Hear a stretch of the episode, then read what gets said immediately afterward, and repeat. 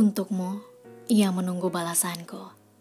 Kau tahu kan alasan tentang foto profilku?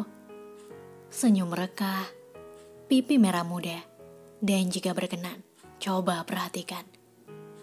Matanya tertutup melihat sesuatu yang dianggap mengerikan, yang tak pernah bisa diselesaikan. Tapi seolah-olah diabaikan dengan tawa.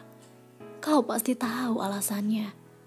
Ya, semua itu adalah caraku menyembunyikan tangisan.